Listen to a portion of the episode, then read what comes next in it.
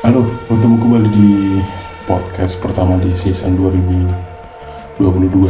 Kali ini kita tentunya akan membahas hebohnya gelaran MotoGP di Mandalika Lombok dan serunya pertarungan panas di tengah padang pasir Bahrain. Dan tentunya selamat untuk seluruh warga Indonesia yang sukses dan turut mensukseskan gelaran MotoGP Mandalika tahun ini sebagai sebuah event balap paling disorot dunia lagi dan lagi memang kehadiran Indonesia di kalender event-event tersebut uh, banyak membawa gimmick-gimmick yang menarik dan nyangkut di kepala banyak orang. Indonesia membuktikan sebagai salah satu negara besar dan uh, luas di Asia bisa menyelenggarakan event semenarik ini.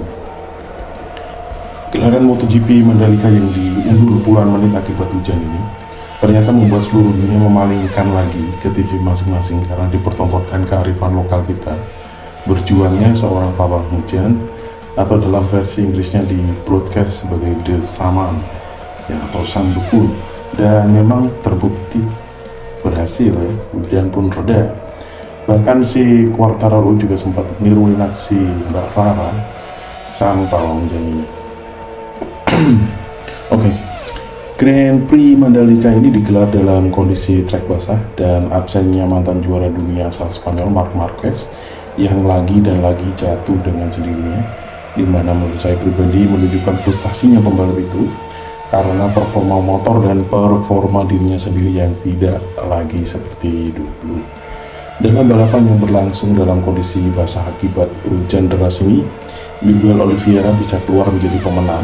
Rider asal Portugal itu keluar menjadi pemenang usai mencatat waktu 33 menit, 27 223 detik Oliveira bisa mengasapi Fabio Quartararo dan Zohan Zarco di posisi kedua dan tiga. Bagi Oliveira, ini membuatnya bisa meraih kemenangan di tiap tahun kejuaraan MotoGP setelah debutnya pada tahun 2019 yang tidak meraih podium sama sekali, yang bisa meraihnya di tahun 2020, 2021, dan 2022. Total Oliveira sudah meraih 4 kemenangan di kelas MotoGP ini dan catatan terbaiknya ditorehkan pada tahun 2020 saat bisa mengemas dua kemenangan dalam satu musim di kejuaraan MotoGP. Kemenangan di Mandalika juga membuat Oliveira menjadi mencatat sejarah sendiri karena ia akan menjadi uh, pertama di seri kejuaraan MotoGP Mandalika. Karena ini adalah seri pertama di Mandalika. Secara keseluruhan ia menjadi pemenang ketiga di kelas tertinggi balap motor Indonesia sepanjang sejarah ya. Terakhir kan 25 tahun yang lalu di sirkuit Sentul. Sebelumnya ada Mick Dohan tahun 96, kemudian ada Tadayuki Okada tahun 97 yang bisa menjadi pemenang di kelas 500 cc balap motor di Grand Prix Indonesia yang ketika itu masih digelar di sirkuit Sentul.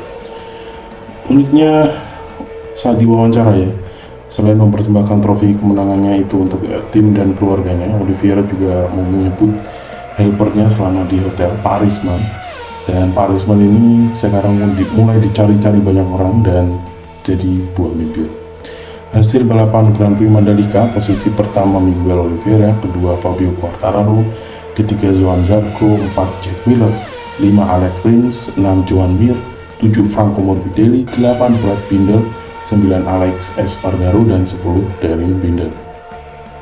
Sementara yang out karena jatuh atau sebab di NF lainnya antara Jorge Martin, Andrea Dovizioso dan Marc Marquez. Untuk standing MotoGP sendiri masih dikuasai oleh Enea Bastianini di posisi pertama, kemudian Brad Binder posisi kedua, kemudian Quartararo di posisi ketiga, lalu Oliveira sendiri di posisi keempat. Dan Tak kalah serunya dengan MotoGP ya, di tengah padang gurun yang panas di Bahrain, seri pertama Formula One digelar pertama kali tahun ini di tengah bayang-bayang hasil tes pramusim yang mengejutkan banyak pihak. Ternyata balapan juga berlangsung sangat berbeda sekali dengan tahun lalu. Perubahan regulasi aero dan tentunya mesin di tahun ini bisa membuat acak sekali ekspektasi para penikmat balap mobil Formula ini ya. Start malam hari di pole position adalah Leclerc Verstappen, Sainz, Perez, Hamilton, Bottas, Magnussen, Alonso, Russell, dan Gasly di posisi 10. Start sendiri tergolong sangat seru karena dengan putanya kekuatan masing-masing tim di tahun ini membuat posisi grid tidak menjamin bisa bertahan di lap pertama. Jalannya balapan sangat seru sendiri karena pertarungan dua pembalap muda Verstappen dan Leclerc yang mirip-mirip salib menyalipnya seperti tahun lalu antara Verstappen versus Hamilton dan itu berlangsung berlap-lap. Di lini pembalap lain, persaingan membuktikan diri bagi Carlos Sainz juga tidak kalah seru. Di gelaran pertama Grand Prix tahun ini, Ferrari membuktikan banyak kata pemenang yang memprediksi tim asal Italia itu bisa menjadi pemenang tahun ini. Dengan bekal mesin yang sama, tampaknya hanya soal waktu bagi Sainz untuk menikmati kemenangan pertamanya di Grand Prix Formula 1.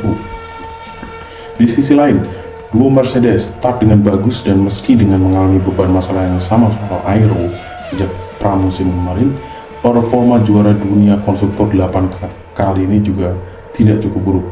Yang mencengangkan tentu Kevin Magnussen yang menyodok ke depan. Sebagai pembalap yang dikontrak di minggu terakhir menjelang balapan, dia termasuk pembalap yang sebenarnya layak sekali diperhitungkannya. Sayang sekali bertahun-tahun harus bertahan di tim khas yang kehilangan arah beberapa tahun yang lalu, tapi tampaknya perubahan regulasi tahun ini kembali membuat tim khas bisa tersenyum.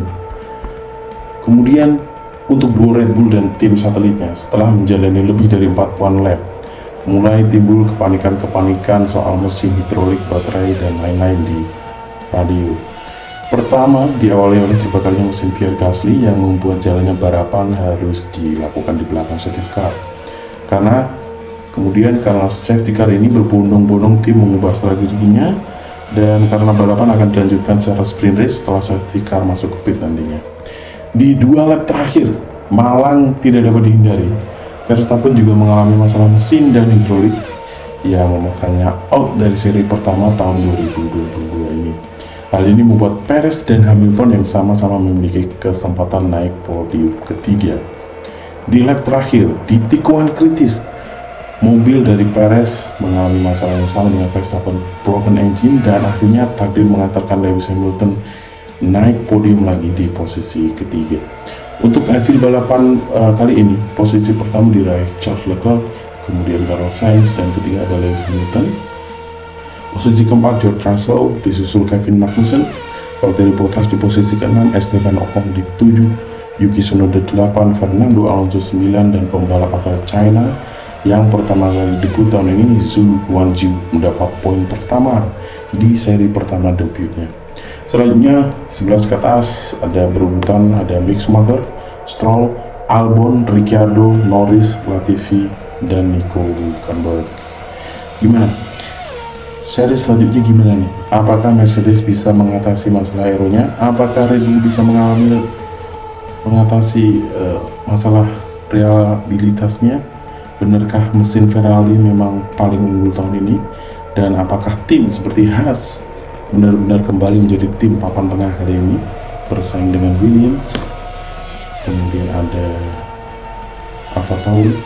Dan apakah tim-tim pelanggan mesin Mercedes seperti Aston Martin dan Williams kemudian ada McLaren mengalami masalah mesin dan mendapatkan performa mesin yang buruk simak podcast selanjutnya di podcast MotoGP dan F1 Indonesia selanjutnya.